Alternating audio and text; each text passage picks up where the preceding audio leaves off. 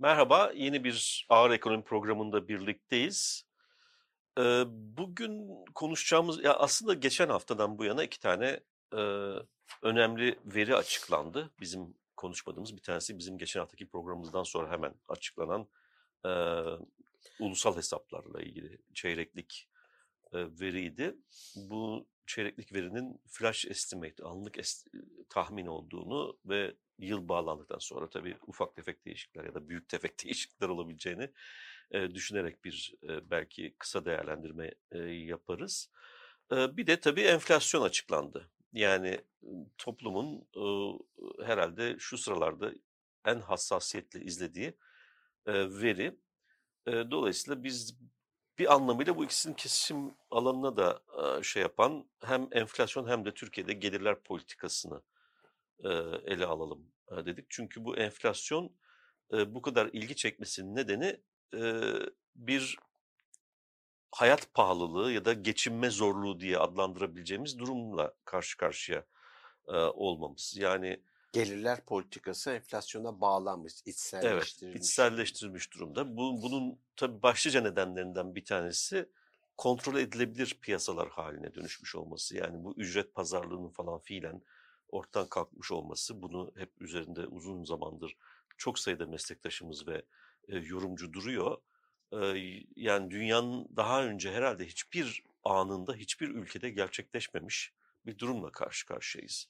Yani bunu aşağı yukarı bir kesinlikle söyleyebilirim. De özel olarak araştırmadım ama e, bir, herhalde hiçbir ülkede e, toplam gelirin, medyan gelirin daha doğrusu, medyan gelirin, ücretliler içerisindeki medyan gelirin asgari ücrete eşit olduğu bir durumla karşılaşmadık. Bir, ikincisi sen üzerinde duracaksın şeyden hemen önce e, verdiğin o rakamı. E, transfer gelirlerinin toplam gelirler içerisinde yani ücret dışı gelirleri de hesaba kattığımızda emeklilik başta olmak üzere transfer gelirlerinin e, toplam gelirler içerisinde yüzde otuza varan bir e, noktaya ulaşmış olması ki bunu herhalde biraz üzerinde durarak mikro veriden de teyit ederiz e, önümüzdeki programlarda. Belki bir programı buna ayırmamızda da e, iyi olur. Yüzde otuza ulaşmış olması da çok büyük bir çarpılmanın, çok büyük bir çarpıklığın olduğunu gösteriyor. Dolayısıyla aslında e, ta, kağıt üzerinde serbest piyasa ekonomisi diye geçmekle birlikte Türkiye ekonomisi e, bu niteliğini yitirmiş durumda. Tabii bu, bu yani serbest piyasa olmaz. bu, bu tür çarpıklıkların olduğu herhangi bir ekonominin serbest piyasanın ekonomide serbest piyasanın işlediğini iddia etmek e, saflık olacaktır diye e, söyleyebiliriz. Şimdi istersen bu enflasyon haber bülteni üzerinden geçelim ama sen önce açılışta söylemek istediğin bir şey varsa genel olarak Vallahi, onu söyle. Ondan sonra enflasyon bültenine yani, geçelim. Geçen hafta Perşembe günü büyüme rakamları açıklandı. Evet. 5.9 gayri safi yurt içi hasıla yıllık bazda yıllık e, bazda, daha doğrusu yıllık yıllıklandırılmış e, çeyreklik, çeyreklik olarak e, arttı hı. artış gösterdi. Aslında kamuoyunda çok da kalıcı bir etkisi de olmadı. Bu büyük bir başarı olarak işte çok da e, abartılacak bir e, durum da söz konusu değildi. Sadece Sayın Bakan üzerinde etkisi oldu. Her zaman olduğu gibi Sayın Bakan bu açıklamaların hemen ak- akabinde akşam televizyonlara çıkıp yine uygulanan ekonomik politikaların yorumunu yaptı. Bir takım iddialarda bulundu, mesajlar verdi, beklenti oluşturmaya çalıştı. Ee, tabii Sayın Bakan'dan e, Şubat ayında açıklandığı zaman, Şubat'ta mı açıklanıyor? Yılı tamamladığımız dördüncü çeyrek rakamları açıklandığı da aynı motivasyonla televizyonlarda seyredeceğimizi, onu da görmek istediğimizi ifade etmek istiyorum. 5.9'un e, arz açısından bakıldığında e, yani bu e, bizim iktisatçı olarak hani çok da üzerine düşmediğimiz bir büyüme e, oranı oldu. Neden düşmedik? Çünkü sürdürülebilir değil. Evet. E, neden sürdürülebilir? E, bileşenlerine baktığımızda arz açısından e, sanayi ve inşaat e, bu büyümenin en önemli kaynağı e, olmuş. Öyle görünüyor. Sanayi bir önceki ayda zaten e, biliyorsunuz e, geçen seneye göre demek ki artmış. Bunun sebeplerinden bir tanesi de öne çekilmiş olan talepti sanayi açısından. Bunun devam ettirilebilmesi çok mümkün değil yani yapısal bir değişiklik olmadı. Bu artışı destekleyecek. Da, daha çok e, bir takım gelişmeler böyle bir sonuç elde edilmesine neden oldu. Onun da temelinde enflasyonist ortamda kredi imkanlarının geniş olduğu seçim sonrası dönemde daha tam manasıyla kredi imkanlarının daralmadığı bir ortamda ortaya çıkan öne çekilmiş talebin bir etkisiydi bu. Keza aynı şekilde inşaatın da e, bu şekilde sürdürülebilecek ve ekonomiye kaynak teşkil edecek bir e, şeyi yok. Zaten Sayın e, Bakanımızın ifade ettiği şekliyle düşünürsek iç talebin daralacağından bahsediyor. E, dış pazarlara yönelinmesi gerektiğini ifade ediyor. E, sanayinin e, dolayısıyla iç talep desteğinden mahrum kalacağını biz anlıyoruz. Dış talep açısından da Avrupa'nın içinde bulunduğu ekonomik zorlukların ihracat performansımızı yeteri kadar desteklemeyeceği konusunda da bir beklentimiz var. Dolayısıyla önümüzdeki aylarda sanayinin böyle bir beklentiyi, böyle bir performansı göstermesini beklemiyoruz.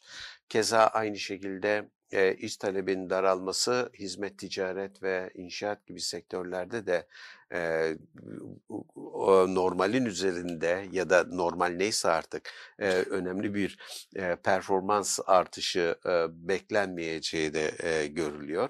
E, tabii e, her şeyden önce e, zaten şu anda içinde bulunduğumuz dördüncü çeyrek itibariyle piyasaların e, içine düştüğü durum yani muhtemelen ya çok düşük sıfıra yakın bir rakam çıkacak ya da negatif bir büyüme oranıyla karşı karşıya kalacağız. Dolayısıyla talep açısından da olaya baktığınızda da iç talep e, çekişli bir büyüme olmuş. Yani tüketim harcımı, özel tüketim harcamalar artmış. Kamu o kadar olmasa bile artmış.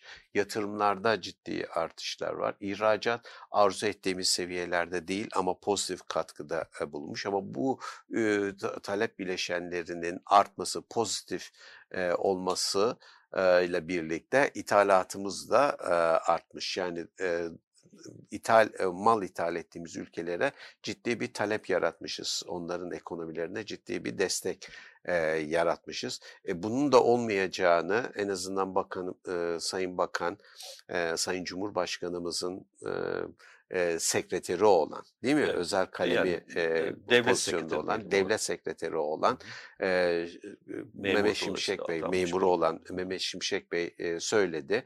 E, Sayın Cumhurbaşkanımız eğer e, sekreterinin, e, uzmanının söylediğine uyarsa e, ve o yönde bir uygulama yapılırsa e, iş talebin e, iyice yerlere e, evet dolayısıyla yani, özel tüketim özel tüketimin olmayacağı e, kamuda tasarruf diyoruz. Onu hala yapmadılar ama kamu tasarrufu da e, büyümenin e, çok bu seviyelere gelmesini e, sağlayacak düzeyde olmayacaktır. Yatırım keza aynı şekilde olmayacak ve e, nihayetinde ihracatımızın da beklentiler e, beklenen e, şekilde gerçekleşmeyeceği, boyutta gerçekleşmeyeceğini biliyoruz. Dolayısıyla önümüzdeki aylarda ve 2024'ün e, 24 içerisinde senaryonun eğer Sayın e, e, Ekonomi e, Bakanı'nın söylediği şekilde bir politika uygulanırsa per, e, olmayacağı, o beklen e, yani büyüme e, performansı açısından arzu edilen e, seviyede olmayacağını biz e, biliyoruz. E, dolayısıyla e, bu rakamları sadece bu e, döneme özgü konjöktürel e, bir e, rakam olduğunu söyleyerek geçiştirmek Geç, istiyorum. Evet. Doğru. Ben de fazla bir şey eklemeyeceğim.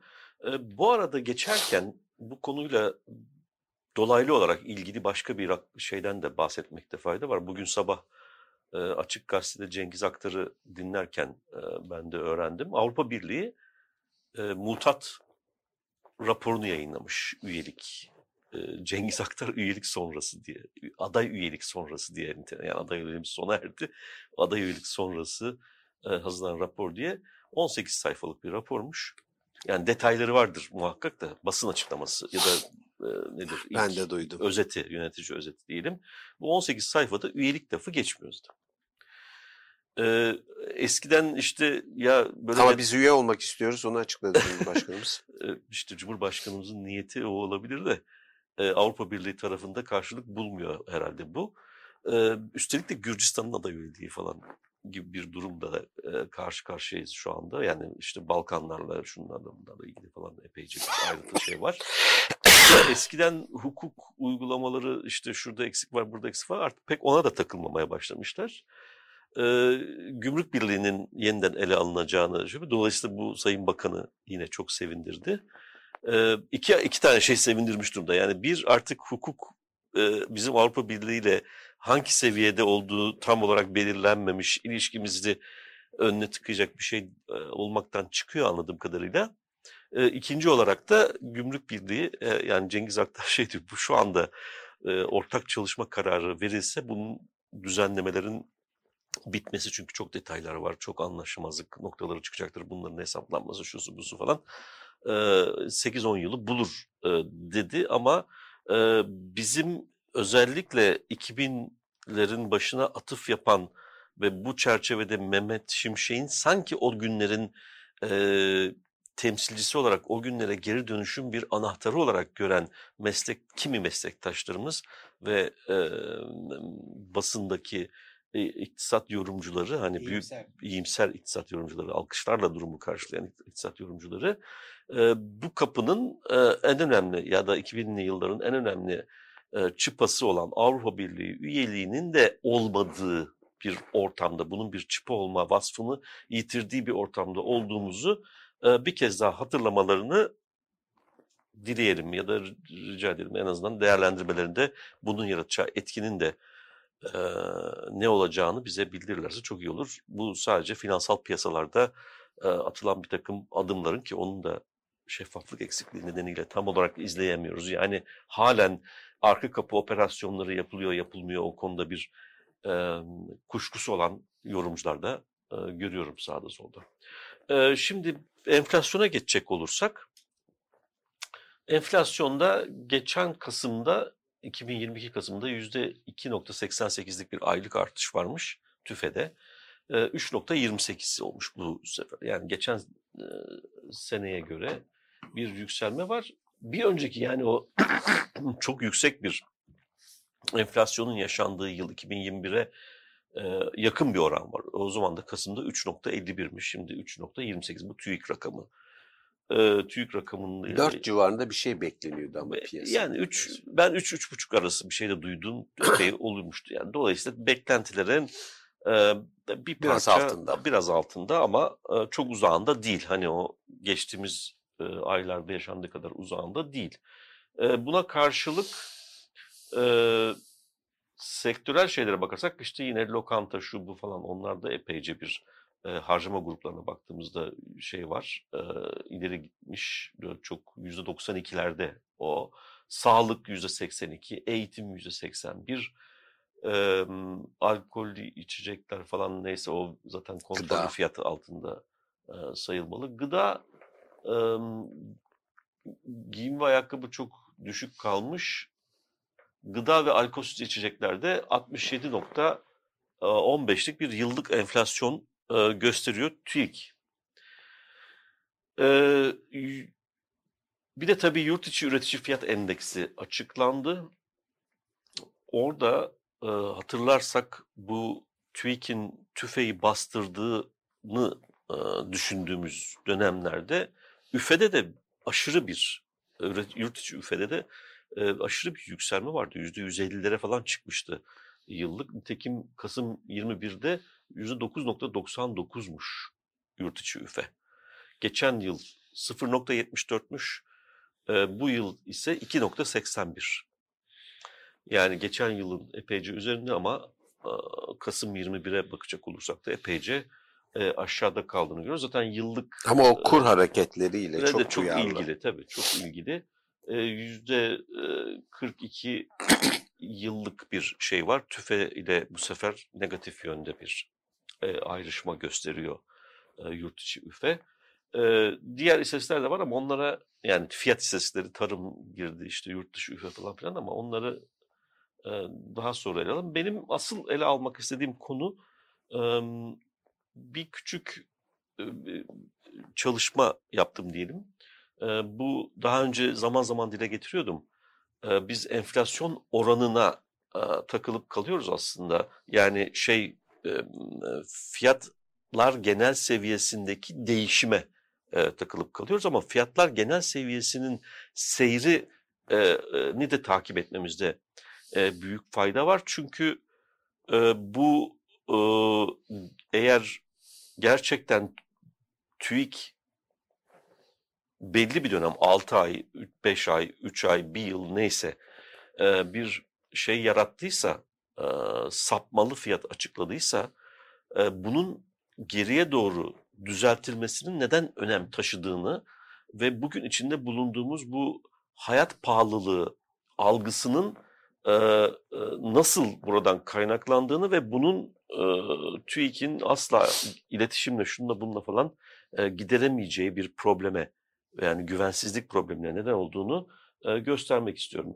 Şimdi grafik birinci grafiği e, koyacak olursak da burada iki tane referansımız var. Yani daha doğrusu bir TÜİK rakamı var. Bir de TÜİK rakamı ile karşılaştırmak için e, İTO'nun, İTO'nun endeksleri aldı. Tabii bu karşılaştırma bir takım handikaplar içeriyor. Özellikle e, TÜİK'in e, neden diye sorduğumuzda Eurostat istemiyor diye komik bir cevapla karşılık verdiği bölgesel istatistikler açıklanmaktan bu yılın Ocak ayında en son bölgesel istatistik görmüştük, fiyat istatistiği görmüştük. O zamandan bu zamana bölgesel istatistikleri açıklamaktan vazgeçti TÜİK. Bu da tabii şeffaflık açısından son derece önemli bir şey. Eğer o bölgesel istatistikler olsaydı İstanbul'u karşılaştırmaya almamız söz konusu olacaktı. Tabii bu da yeterli değil. Çünkü İTO ücretler geçinme indeksi yani oradaki mal gruplarının ağırlıkları TÜİK'in kullandığı ağırlıklardan farklı. Ama mal grupları bazında da bir değerlendirme yapmamız gerekecek. Belki önümüzdeki hafta o tür düzeltilmiş bir karşılaştırma endeksinde yayın şey yaparız üzerinde konuşma Yatayda imkanımız olabilir. tarihler mi var? E, yatayda tarihler var ve bu epeyce geriden 1996'dan başlattım. En son tarih January, e, Ocak 27 görüyorum. E, 23. Ha 23 mü? Ben 23. göremiyorum. Yani şeyde e, Oktober yani en son işte e, açıklanan Kasım 23 endeksi var. E, Merkez Bankası'ndan alınma bu endeksler gördüğümüz gibi aslında uzun süre bir, birlikte gidiyor. E, zaman zaman eğilim farklılıkları var ama eğilimlerde de büyük bir e, benzerlik var. E, gördüğün gibi böyle küçük küçük kafa kaldırmalar hep eş zamanlı olmuş. Ne zamana kadar? İşte bu ara e, aslında 2010'dan itibaren biraz açılmaya başlıyor. Gerçi şimdi birazdan göreceğiz 2003'ten itibaren açılıyor fakat tabii e, yüksek enflasyon döneminde büyük bir açılma olduğunu görüyoruz. Şimdi grafik 2'ye geçersek yani biraz zaman boyutunu daraltacak olursak meseleyi yani 2007'den başlatacak olursak 2007 tabii TÜİK'in enflasyon şeyin sepetini değiştirdiği rahat işte yeni yönteme geçtiği onun oturduğu bir döneme tekabül ediyor. Burada yavaş yavaş açılmaya başladığını görüyoruz ama bu açılma e, özellikle 2021'den 22'den itibaren e, bir sıçrama haline dönüşüyor. Üçüncü grafikte bu iki endeks arasındaki farkı... Bir şey sorabilir tabii, miyim orasıyla tabii, ilgili? Aha. E, tabii bu, bir önceki endekse geç. Ha, e, buradaki iki endeksin farklılaşması genellikle kamuoyunda, iktisatçı camiasında e, TÜİK'in e, rakamlarını sağlaması olarak İTÜ'ye bakıldığı için e, güvenilirliğinin testi e, olarak evet, bakılıyor. Doğru. Ama şöyle de söylemek mümkün mü acaba? E, İstanbul e, yaşam şartı ve hayat e, kalitesi e, açısından, açısından Türkiye'nin geri kalanıyla ciddi oranda farklılaştı. Evet. Zaten o farklılaşma sebebiyle BDDK üyelerinin değil mi? Çalışanların İstanbul'a gelmesi ek bir e, İstanbul tazminatı. Kira, bira falan değil mi? E, desteğine gerekli kılıyor. Gerek, 45 bin lira üstelik. E, yani önümüzdeki yıl itibariyle. E, dolayısıyla hani bunun e, tamamı TÜİK'in... E, Şimdi onu göstereceğim. Ha, tamam. Üçüncü e, grafiğe geçecek olursak bu kabaca işte şeyin e, ikisi arasındaki yüzde fark. Şimdi burada ilginç bir durum var. E, o senin söylediğinle e, ilintili bir şey. 2003'e kadar 2003'e kadar e, böyle işte biraz sıfırın altına düşüyor, üstüne çıkıyor falan bir şeyler oluyor. Yani negatif yani daha doğrusu İTO endeksinin bakın bir kez daha söylüyorum bu enflasyon oranı değil. Endeks seviyesi yani fiyatlar genel seviyesinden bahsediyoruz. Fiyatlar genel seviyesinde e, İTO endeksi şeyin endeks seviyesi olarak TÜİK'in gerisinde kaldığı dönemler olmuş. Yani özellikle 2001, 2000, 2001 falan filan gibi. Sonra 2003'ten itibaren böyle yüzde e, 20'lere doğru yavaş bir artış olmuş. Şimdi burada şunu söyleyeyim ama az önce senin bahsettiğin meseleden meseleyi ele almakta fayda var. E, İstanbul'un bir özelliği var mı? E, İstanbul nedir? 2023 Ocağı'na kadar biz İTO ile İstanbul'u karşılaştırıyorduk. Ee, İTO ile İstanbul arasında İstanbul Endeksi arasında bir büyük bir farklılık yoktu. Yani İstanbul dolayısıyla bu e, farklılığın bir kısmı İstanbul'un ayrışmaya başladığı dönemi de ifade Aynen. ediyor olabilir. Hayat standartı. Hayat standartı açısından. Ama bir de şu da var. E, bu, bu tabii gıdanın falan ağırlığının yüksek olduğu bir endeks İTO'nunki. Evet, Ona doğru. göre bir düzeltme yapmak lazım. Düzgün bir karşılaştırma için. Ona vaktim olmadığı için e, yapamadım. Ama onu yapacağım.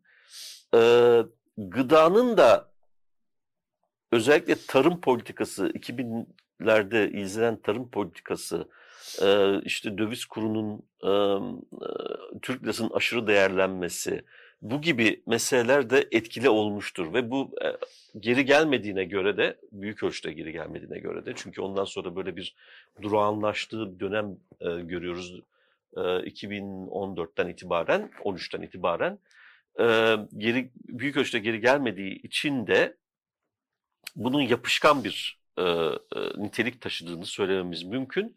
E, bir de tabii bu tarım politikası sonuçta üzerinde çok durduk. O yüzden pas geçeceğim. Şimdi çok detaylara girmeyeceğim.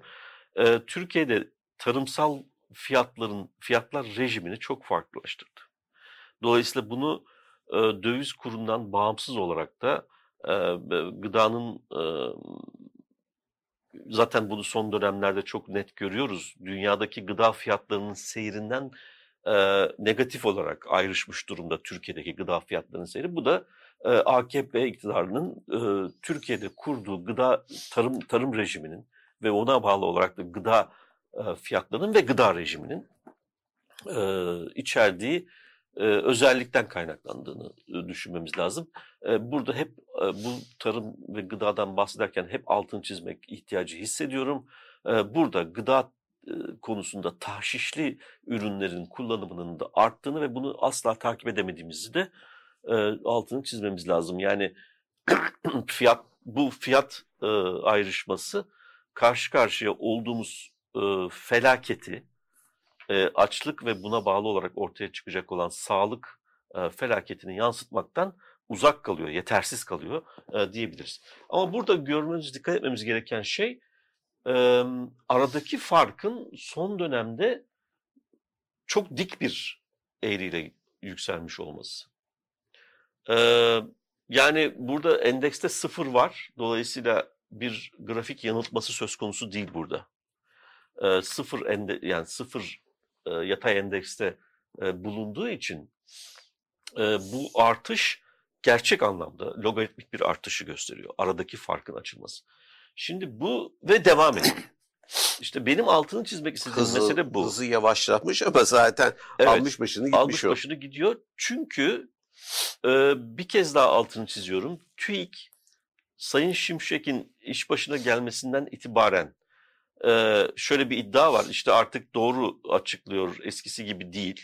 Büyük bir eğilim farkı yok. Ondan sonra işte ufak tefek şeyler oluyor. Hatta geçtiğimiz ay şaşırarak haber vermiştik. Çünkü haber değeri taşıdığı için e, TÜİK'in rakamı beklentilerin üstünde açıklanmıştı falan. Bir parça o bu e, içinde bulunduğumuz durumu e, şey yapmak için zaten bunu görüyoruz. E, hafif bir şöyle güçlü bir düşüş var e, bazı durum dönemlerde. 1, 2, 3, 4 periyotta var bu aslında. Bir tanesi güçlü, diğerleri hafif düşüşler. Bu endeks yani fiyatlar genel seviyesini yansıtan endeksleri birbirine yakınlaştırmaya dönük bir e, e, işlemdi. Ama bu yeterli olmadı. Değerli arkadaşlar bugün e, içinde bulunduğumuz durumda e, iki endeks arasındaki farklılık yüzde kırkı geçmiş durumda. Yani e, enflasyon oranı ne olursa olsun, ne kadar yakın olursa olsun birbirine, e, e, hayat pahalılığını algılamak açısından önem taşıyan fiyatlardaki, fiyatlar genel seviyesindeki fark yüzde 40 ve TÜİK bundan sonra diyelim yüzde üçlük bir enflasyon oldu. Yüzde beşli hadi hesap kolaylığı olsun diye yüzde onluk bir dönemsel enflasyondan bahsedelim. Üç aylık yüzde onluk bir enflasyondan bahsedelim.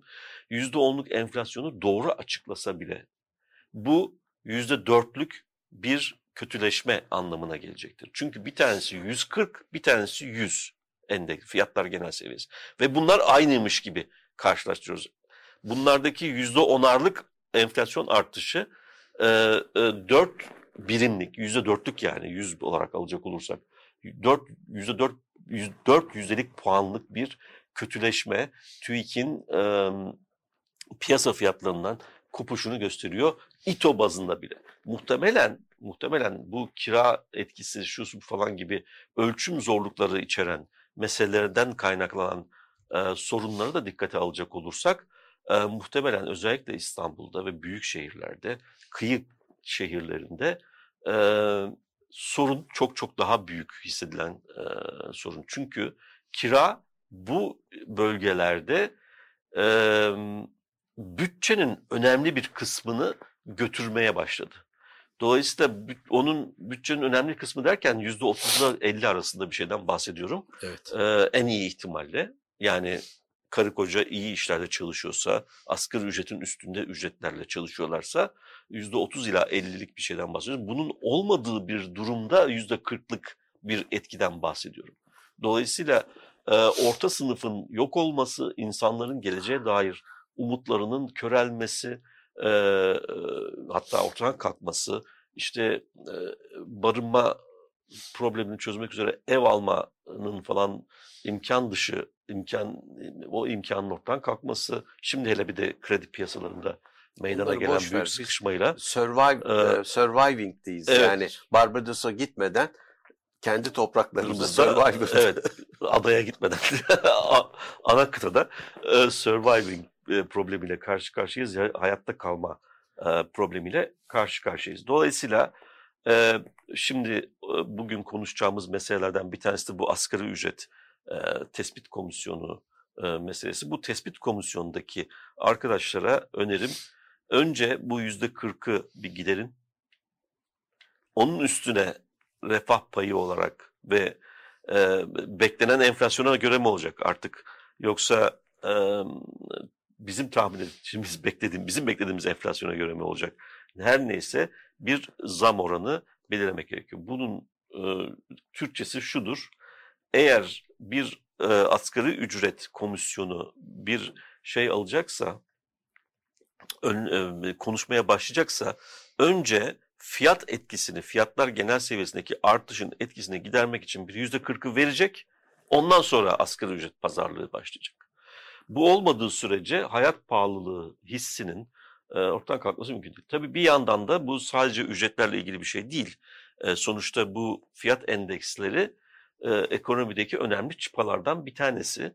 E, o yüzden e, Sayın Şimşek eğer şeffaflık, dürüstlük, işte e, kurumsal iletişim bilmem ne falan gibi bir sürü yaldızlı laflarla e, işe başlamıştı ve halen devam ediyor bu yaldız laflar. Piyasadaki arkadaşlarımız da bu konuda çok olumlu e, e, ilerlemelerin, gelişmelerin olduğunu bahsediyorlar. O zaman geriye doğru dönerek bu enflasyon sepetinde TÜİK'in yarattığı hasarı e, giderecek bir düzeltmenin yapılması gerekiyor.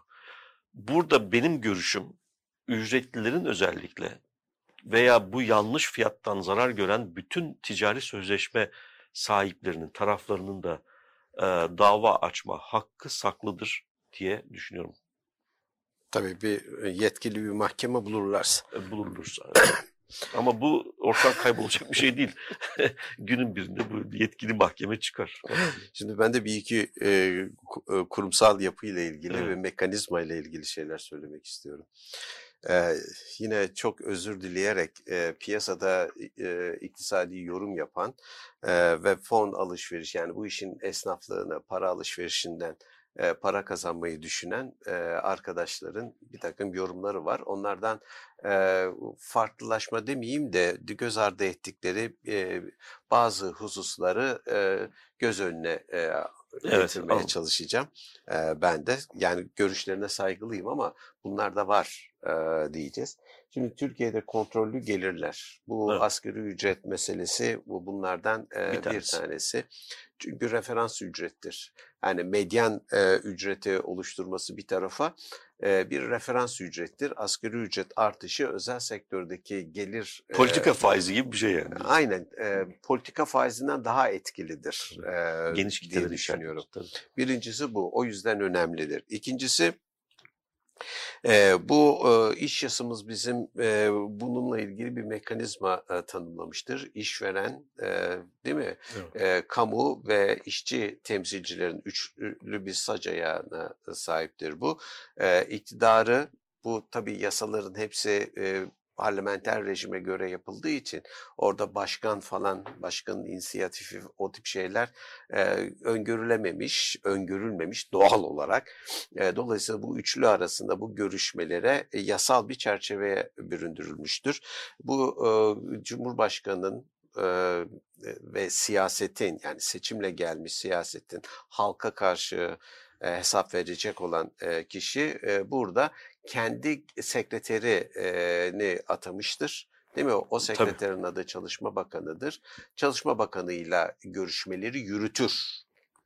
Dolayısıyla bu komitenin pratiğinde, yasal pratiğinde, kurumsal çerçevesinde ilgililerden herhangi birinin toplantılara ara verip saraya çıkması, doğrudan siyasi bir kişilikle görüşmesi, siyasi yani iktidarın başıyla görüşüp sonra da gelip ücreti kamuoyuna açıklaması böyle bir müessesemiz yok bizim. Dolayısıyla bu önemli bir ayrıntıdır. Geçen toplantıda böyle yapılmıştır. E, bu tip şeylere hassasiyet gösterilmesi e, gerekir. gerekir.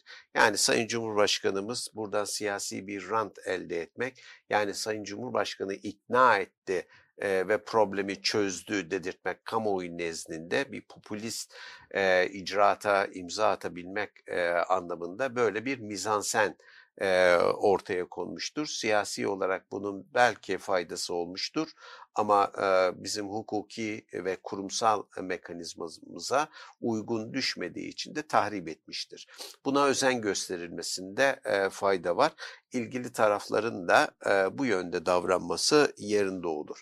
İkinci e, husus bu kurumsal mekanizmaların e, dışında e, TÜİK'in hesaplamaları da biliyorsun e, bu toplantılarda çok fazla gündemde değil ama genelde hayat pahalılığı, yaşam standartlarını tespit etmek ve o görüde o konuda görüş oluşturabilmek için e, TÜİK temsilcileri de değil mi istatistik e, katılırlardı. Şimdi bilmiyorum katılıyor mu katılmıyor mu ama resmi yapıyor. şeyde var mı e, yok diye biliyorum ben. E, TÜİK temsilcisi e, Şöyle, komisyon çağırıyor, görev verirse TÜİK Ama e, yasal olarak karar e, karar sürecinde yok. O, Hayır. kurmay e, şey danışman şey diyelim. Danışman olarak yani burada o, ondan bir görevlendirme yapıyorlar. Bize şu konuda bir e, e, TÜİK e, şey, Türk işte kendi yoksulluk hesaplamalarını getiriyor herhalde evet. ortaya. Arada buluşuyorlar. E, şimdi TÜİK'in e, hesaplamaları resmi rakamlar olduğu için e, onların enflasyon hesaplamaları e, dikkate alınıyor. E, e, bu oradaki taraflar e, nezdinde ama sen biraz önce ifade ettiğin e, farklılıklar var. Dolayısıyla TÜİK'in rakamlarına e, yönelik bir güven bunalımı var. Sadece burada gösterdiğin konu, e, şeyle grafiklerle değil, vatandaş nezdinde böyle bir problem haklıdır veya değildir. Bunu tartışmıyoruz burada. E, böyle bir algı vardır ve karşı taraf yani TÜİK de bu algıyı giderecek herhangi bir eylemde bulunmamıştır ve aksiyon almamıştır. buna Mehmet Bey de dahildir. İTO Başkanı da dahildir. Değil mi? Hani Doğru. yılda bir kere şey yapacağız, beklenen enflasyona gibi açıklamalar yapıyor. Ama İTO Başkanı e, bunu açıklarken bunun ayrılmaz bir parçası olan TÜ, TÜİK rakamlarının e, güveni e, açısından yine İTO'nun kendi e, hesaplamalarından e, sen gösterdin burada. Bu farkı dikkate almadan e, böyle bir yandaşcı, tarafgir bir politika e, izliyor, açıklama yapıyor. Dolayısıyla TÜİK'in e, bir kere bu şeffaflığının e, ve rakamlarının güvenilirliğinin sağlanması lazım. Bu yetmez. Çünkü e, neticede burada pazarlığı yapılacak şey gelecekteki yılın yani yaşamadığımız, gözlemleyemediğimiz ne olacağını tam olarak bilmediğimiz bir döneme ait e, bir e, yaşam standartımız, kaderimiz e, değil mi? E, geleceğimizle ilgili bir şeye imza atacağız biz bu toplantıda. Dolayısıyla bizim geleceğimizin yeteri kadar öngörülebilir olması lazım. Bu ekonomideki öngörülebilirlikler, öngörülebilirlik de e, verilerle e, söz e, mümkündür. Verilerin güvenliği bu bakımdan da önemlidir. Şimdi Sayın Başkan e, ya da e, ge, sekreter, genel sekreter e, Mehmet Şimşek Bey e, ortaya çıkıp da yüzde 36 enflasyon bekliyoruz ve ücret artışlarını buna göre yapacağız. Dükkan onun. E, yani verelim e, ve kabul edelim. İyi de o yüzde 36'nın güvenilirliğini nasıl test edeceğim ben? Yani TÜİK'in rakamlarına mı güveneceğim? Tamam ona da güvenirim ama TÜİK'in güvenilirliğini sağlaması. Bırak onu e, bir şekilde e, bütün makroekonomik verilerin güvenilirliğini sağlaması lazım. Beklenti oluşturmak demek sağlam güvenilir beklenti oluşturmak veriye dayalıdır, veri güvenliğini gerekli kılar ekonomiyle ilgili. Ben net hata noksanın nereden kaynaklandığını bilmiyorum. Bırakın artık. Yani tatmin edici bir açıklama bana getirsin. İki, e, ne kadar e, ihracat gelirlerine e, el konulduğu, bununla ilgili açıklamalar yapılamıyor. Rezervler konusunda keza aynı şekilde. Kamuoyuna hatta yanıltıcı bilgiler veriliyor. Bir brüt rezervler den bahsediliyor. Brüt rezerv pozitif deniliyor ama net e, rezervlere baktığınız zaman swapları düştüğünüz zaman halen 50 milyar dolar. 50 milyar dolar açıkta. Yani kasanız boş, kasanızda sağdan soldan e, dükkanın kasasına e, emaneten bırakılan paralar var konu komşunun. Evet. Siz o paraları göstererek e, diyorsunuz ki kasam dolu. Ama Hı. o pazar senin değil ki. Evet. Üst bu, bir de üzeri e, Bu düzen veriyorsun. Şimşek'ten önce kurulmuş olabilir ama Şimşek'in vaadi şeffaflık ve e, şeyse kurumların yeniden işlerliğe kavuşturulmasıysa e, bu konuyu da düzeltmesini beklerdik. Bir yılla yakın e, oldu. Yani e, TÜİK Başkanı değiştirebilir. TÜİK'in e, veri güvenliğini arttırabilir, iletişimini e, yapabilir. E, şimdi e, piyasadaki arkadaşlar diyor ki işte o kadar da gücü yok işte bu kadarına şükredelim. İyi de yani ben e, o bu kadarına şükretmek demek e, onların dikte ettiği artış oranına da eyvallah demek anlamına gelmez. gelmez tabii. Yani herkesin tuzu kuru ama burada e, güvenilmeyen rakamlara istinaden e, böyle bir şeyin olması yani ücret artışı benim geleceğim ikbalim buna bağlı. Yani insanların hayatı emeğiyle e, elde e, emeğiyle yaşamını idame ettiren insanların neden e, ciddiye alınması gerektiğini sorduğun zaman o insanın kaçacak bir yeri yok. tek gelir kaynağı var emeği. Emeğin dışında ek bir gelir elde edilebilecek bir durumu yok bu insanların. Dolayısıyla o daha güçsüz. İşveren güçlü olabilir. Bu sermayenin hakimiyeti değil. Gelirlerini gelirleri üzerinde kontrolü var. Ama emek emekçinin gelirleri üzerinde kontrolü yok. Tabii. Dolayısıyla böyle bir asimetrik bir güç mücadelesi e, pratikte olduğu için e, böyle bir güvenin e, tesis edilmesi e, şarttır. E, bu olmadan da e, kimse e, masal anlatmasın e, birbirine. Esas olan konulardan. Dolayısıyla ekonomi e, konusunda yetersiz bir iletişim e, söz konusudur. Bu Merkez Bankası yaptıklarını inkar etmiyoruz. E, bunlar için teşekkür ediyoruz. Başarılı icraatlar yapmışlardır. Yeterli değildir. Gerekliydi ama Türkiye'yi düzlüğe çıkartacak ve toplumsal barışı sağlayacak e, yeterlikte değildi. Gerekliydi ama yeterli değildi. Dolayısıyla biz yeterliliği de sağlanması gerektiğini, optimum hani Sayın Gaye Hanım, e, Hafize Gaye Hanım hep optimizasyondan bahsediyor ya, gerekli koşulları yerine getiriyorlar ama yeterli koşullar hala yani ikinci e, türevleri hala e, şey yapamadılar, optimize edemediler. Dolayısıyla e, onun üzerinde durmakta fayda var. Bir başka husus daha var gelirler politikamızın bu aya e, özellikle güven ve beklenti aya önemli. E, gelecek yılın e, gelirler politikamız sadece tabii ki çalışanlar açısından değil. Dolaylı yoldan belki onları da etkileyecek ama e, bugüne kadar iktidarın siyasi ve ekonomik popülizme kaynaklık eden bir takım iktisadi faaliyetler vardı. Hani sen üzerinde çok duruyordun e, geçmişte piyasa mekanizması üzerinden kaynak transferi yapıldı ve, ve sosyal gelirler, transfer. sosyal transfer yapıldı. Gelirler evet. politikasının bir unsuru olarak, bir aracı olarak kullanıldığı bir sektör var. Hizmet, ticaret ve inşaat sektörleri.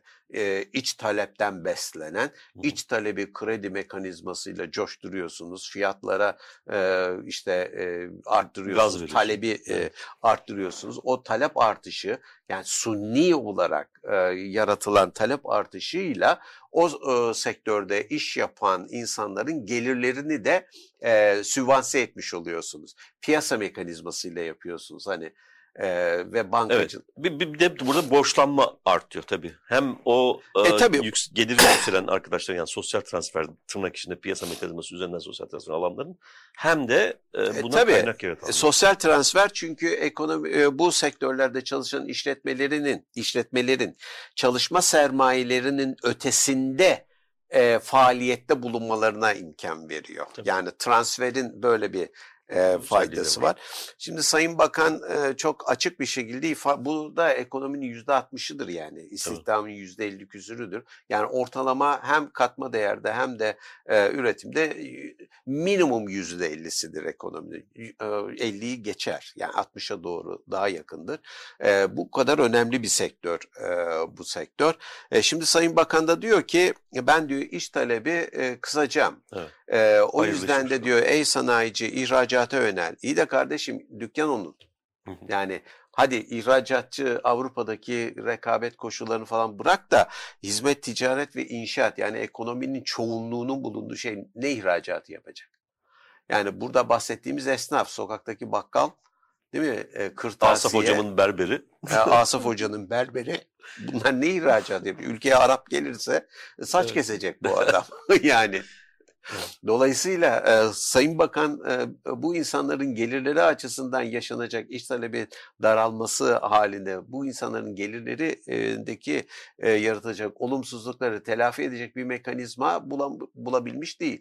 Ee, söylediği e, sadece bir e, portföy yatırımcısı ya da portföy e, yatırımı yapanlara danışmanlık yapan bir iktisatçı gibi, bir finansçı e, gibi ihracat yapın. İyi de arkadaş sanayi dediğin şey imalat sektörü ekonominin en babası yüzde yirmisi. Evet. Türkiye'de.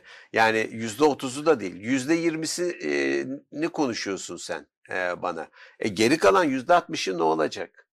Onların gelirleri ne olacak? Onların gelirlerini bugüne kadar sen e, iç taleple desteklemişsin. İç taleple gelir transferi yapmışsın bu insanlara. E şimdi o insanları açlığa mı e, kanımızı satacağız.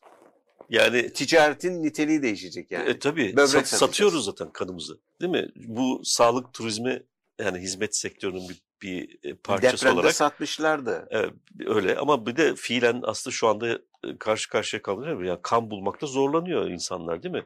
Neden? Çünkü sağlık turizmi dediğimiz şey aslında dışarıdan gelen insanların kan ihtiyacı. Onlar donör değiller hiçbir şekilde.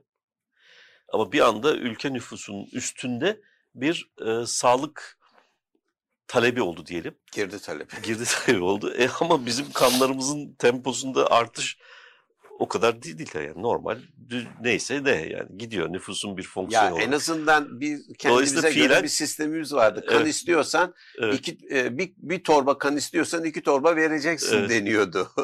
e şimdi, Şimdi- elin adamından bunu isteyemiyorsun. isteyemiyorsun. Dolayısıyla e, kanımızı satmaya başladık. Sayın Bu da güzel Bakalım. bir e, şey. E, e, vallahi bu iç talep meselesine benim canım çok e, sık, e, sıkılıyor.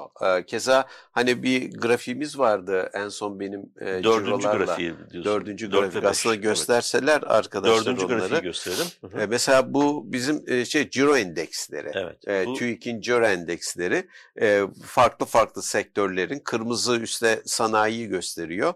Altta yeşil de şeyi gösteriyor, inşaatı gösteriyor. İnşaat. Ortadakiler de hizmet ticaret e, e, cirosu. Dikkat ediyorsan e, bu ciro indeksi senin e, rakamları da çok benziyor. 2017-18'lere kadar aşağı yukarı e, üst a- adil bir şekilde gidiyor. Evet. Ama daha sonra 18'den sonra hani bu e, Rahab Branson ne Branson'mış kardeşim bu da. Rahab Branson'dan sonra e, artık sektörleri cirolar e, bazında ayrışması da e, ortaya çıkıyor. Yani enflasyon ve kur istikrarsızlığı sektörlerin her bir sektörü farklı farklı etkilemiş. İşte imalatla hizmetler e, yukarıya doğru e, coşmuş, gitmiş. En sonda zaten hizmetler sektörü ve e, şey, e, şey e, sanayi e, cirolarındaki artışlar e, aşağı yukarı aynı. Burada tek e, mağdur olan İnşaat. e, inşaat sektörü e, olmuş. Bu inşaat cirosu yani kira gayrimenkul sektörü değil bu e, Evet. bildiğim kadarıyla. Yani üretici e, olan inşaat sektörü. E, onların e, onlar da artmış. yani inş, ama şeye- öteki sektörler daha fazla artmış. inşaat cirolar. faaliyetlerine girdi sağlayan sektörler mi? Evet evet evet. O, o, tamam. e, sadece inşaat müteahhitler değil. Değil. Evet. Yapı sektörü, Yapı sektörü. e, gibi Evet. e, bir şey. Bunun e, son Bu döneminde enflasyonun etkisi tabii ki. Enflasyonla karşılaştırmak olmak da lazım ama senin grafiklere çok benzediği için. Evet. E, E, nominal olduğu için o tabii fiyatları fiyatlar genel hareket. e, evet yani e, bir şekilde deflete etmek mümkündür. Her bir e, fiyat endeksini kendisi yani her bir ayrı sektöre ait fiyat endeksiyle deflete Hı hı. ettiğinde göreli fiyatların e, cirolar Nasıl üzerinde yaptığı evet. etkiyi de net bir şekilde görürüz. Ben bunları e, dün akşam oluşturdum. Yani meraktan bunlarla çok uğraşıyorum bu aralarda. Bir son iki yılı da görmemiz mümkün grafik 5'te 2021-23 arası. Ha, o, oradaki Burada e, biraz fark- daha net gözüküyor şey. e, çok net gözüküyor. Özellikle son zamanlarda e, bu 2001'den sonra diğer sektörlerle e, yakınlaşma da dikkat çekici. Yani Hmm. inşaat çok e, yapı sektörü diyelim aşağılarda, diğerleri e, yukarıda. E, ama son yıllarda cirolarda dikkat edersen e, yatay bir seyir e, belir, e, belirlenmiş.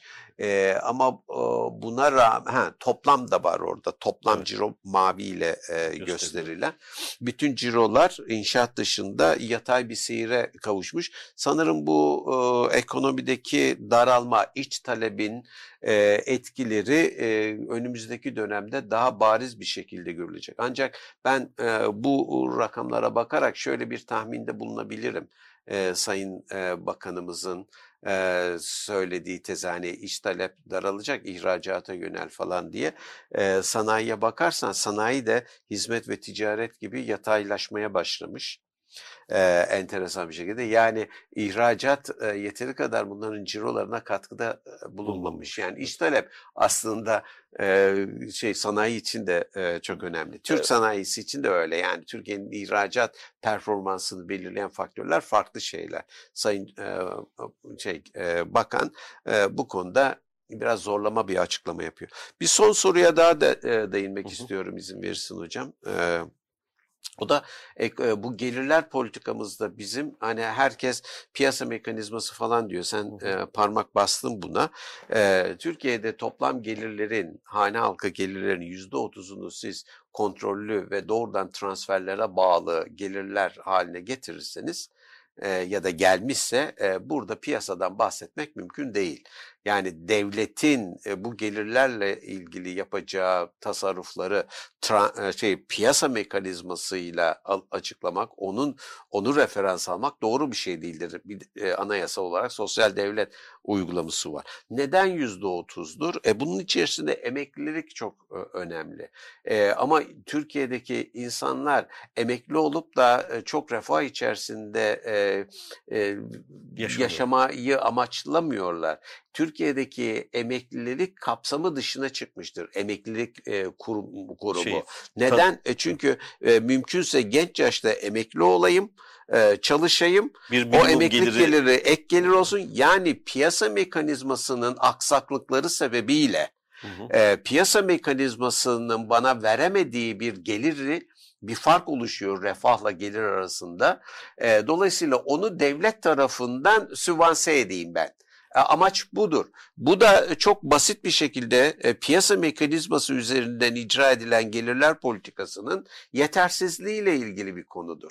E, demek ki eğer biz bu sürdürülemeyecek boyutlara gelmiş olan bu emeklilik sistemini bu şekilde devam ettirmek devam ettirmek istiyorsak istiyorsak bu yüzde otuzun daha da genişlemesine izin vermek zorundayız. Bu mümkün değil çünkü bu yüzde otuzun direkt transfer geliri dediğimiz gibi çalışan kesimlerden buraya aktarılıyor. Dolayısıyla onu azaltmamız lazım azaltabilmemiz için de e, hani biraz e, lugata uygun konuşalım. E, piyasa mekanizması, iş gücü piyasası e, piyasa mekanizmasının aksaklıklarını gidermemiz lazım. Hı.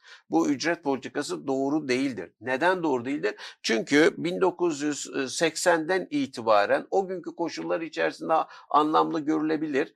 Bir e, Türkiye'nin döviz ihtiyacını karşılayabilmek için Türk sanayisine rekabet gücü enjekte etmeye çalıştılar ve bu rekabet gücünü pasif rekabet stratejisi e, adını verdiğim e, maliyetleri ve onun içerisinde ücretleri baskılayarak yaptılar. Oysa yapılması gereken bunu bir dönem yapabilirsiniz ama sürekli arz etmemesi lazım. Çünkü bu toplumsal refahın bir kesimin elinden alınıp bir başka kesime e, kanalize edilmesidir. Bunun lafı e, şeyi yoktur yani mazereti yoktur. Bu böyle. E, dolayısıyla bunu ortadan kaldırabilmek için aradan geçen 40 yıl içerisinde rekabetin daha aktif stratejilerini oluşturması gerekiyordu sanayinin. Sadece ücrete dayanarak, ücret üzerinden rekabete dayanarak, devletin yanında yandaş olarak e, iktisadi sektörlerin adam olması mümkün değil. Dolayısıyla teknolojiye, inovasyona, yatırıma e, e, para ayırmaları gerekiyor. E, teknolojilerini yenilemeleri gerekiyor. Hatta o teknolojilerle birlikte ihtiyaç duydukları iş gücünün vasıflarının sağlanabilmesi için devlete baskı yapmaları gerekiyor. Sadece kredi bulmak için değil. Aynı zamanda ben vasıflı iş gücü istiyorum diye devlete baskıda bulunmaları gerekiyor. Dolayısıyla bu politika da bizim bizi bağlıyor. Yani biz bütün toplumsal kesimler kolaya ve ucuza kanalize olmuşuz. Kolay olan nedir? Güçsüz olanın üzerine baskı yapmak. Gelir gelirde kaçarı olmayan vatandaşın üzerine baskı yapmak. Düşük ücret şey yapmak. Ama o düşük ücret politikası piyasa mekanizması içerisinde insanların erken emeklilik arayışlarına neden oluyor. O erken e, arayışın sebebi gelir e, o piyasadan elde edemediği o gelir farkını devletin telafi etmesini e, istiyor. Bir açı bir açıdan da bu tabii devletin e, düşük ücret politikasını desteklemek üzere e, fon ayırması anlamına da geliyor. Yani normal e, fon yüksek, ayırması ama bu tabii, asgari yüzünden pahalıya mal oldu. Tabii, tabii, tabii. Bir de yapıyı bozuyor ve sürekli buraya mahkum ediyorsun. İşte ben yani, bu, buradan birilerine sokağa. o kadar da aynı zamanda transfer yapılmış oluyor. Ücreti düşük tutuyorum. E, sermayeye ben kaynak aktarıyorum. Üstelik evet. o aktarılan kaynakları iş gücünü, e, refahını e, sabit tutabilmek için bir e, onları erken emekli ediyorum ve oradan e, sübvanse ediyorum şey sanayi. Erken em- emeklilik sistemi e, iş gücünün bir sübvansiyon e, mekanizmasına dönmüş. O Dönmüş, yüzden de emeklilerin çalışanı ve çalışmayanı diye bir ayrım olamaz. Hı hı, Çünkü o kapsamı dışına çıkmıştır tabii. Türkiye'deki emeklilik sistemi. Ve gelirler politikasının ayrılmaz bir bütünüdür ve iş gücü piyasası ile birlikte ve oranın aksaklıklarını e, işte reform diyoruz ya iş Evet. gücü piyasası reform. İşte bunlar. Yapısal reform diye herkes soruyor nedir yapısal? İşte yapısal reform bunu değiştirmek lazım. Bunlar acılı süreçler ama bunları e, sürdüremezsiniz. Bu haliyle sürdüremezsiniz çünkü hiç kimseyi memnun edemezsiniz. Benim bu konuda söyleyebileceklerim bunlar. Zaten ben de bir, birkaç şey söyleyecektim ama e, süre doldu. Sadece bir e, ha- haber vereyim. COP28 devam ediyor bir komedi ya, olarak onu- bir komedi olarak devam ediyor. Onu önümüzdeki haftalarda e, detaylı olarak ele alırız ama bir 1448 tane bilim insanı bir e, çağrı yayınladılar. Bu çağrının muhatabı doğrudan doğruya küresel halklar, bütün halklar. Eğer iklim için ayağa kalkmazsak, aktivist bir aktivizm göstermezsek bu işi döndüremeyeceğiz diyorlar. Bu bir ölçüde de COP28'de olan bitenle e, ilişkili. Çünkü bu 1448 tane e, bilim insanının 30 33'ü galiba şey. Zaten bu e, hükümetler arası e, iklim değişimi panelini raporunu hazırlayan insanlar yani doğrudan doğruya e, birebir takip eden insanlar. E, bu herhalde bilim dünyasından aktivizm çağrısı ilk defa. Yani Evet. Benim bildiğim kadarıyla ilk defa oluyor dünya tarihinde. E, bu da içinde bulunduğumuz durumun e, ne kadar vahim olduğunu, yaşamsal olduğunu, bir ölüm kalım mücadelesi içinde olduğumuzu e, gösteriyor. Bunların e, bir dosya halinde ele almamız ve belki birkaç konukla e, ele almamız gerekiyor. E, ilk fırsatta bunu yapacağımızı e, dile getirelim ve süremiz dolduğu Ama için. şey var bir de e, en kalabalık delegasyon da Türk delegasyonuymuş öyle duydum. Bu da Türkiye'nin e, bu konuya vermiş olduğu önemin bir göstergesi E, olarak. yani orada şöyle çarpık, şöyle çarpıklıklar da var. ya, Bu e, e, ekosistemin korunması konusunda en e, yaşamı buna bağlı olduğu için hatta ve bu konuda gerçekten çok donanımlı insanlar oldukları için e, yerlilerin, yerli halkların e, 300 civarında falan temsilcisi var sivil toplumlarla beraber. Bizde 400 küsür civarındaymış. Ama fosil yakıt lobicilerinin sayısı 2200 küsür. Of. Ee, dolayısıyla oradan bir hayırlı bir şey çıkması zaten mümkün değildi. Ee, bunun tabii siyasi nedenleri var. Artık iklim mücadelesi de bir siyasi mücadele haline dönüşmüştür. O kadar ki 70'li yıllarda ben onu hissediyordum bu soğuk savaş döneminde. Her mahzun tırnak içinde olimpiyatlar mesela olimpiyatlarda bile iki bloğun e, rekabetini görmek, siyasi rekabetini görmek mümkündü. Şimdi de her her taşın altından bu ölüm kalım mücadelesi, bu siyasi ölüm kalım mücadelesi e, ortaya çıkıyor. Bunu da e, dikkate almakta fayda var. İzleyicilerimizin yakından izlemesini e, umuyorum diyelim. Peki. Söyleyeceklerimiz bu, Bu kadar. bu kadar. Evet, hoşça kalın.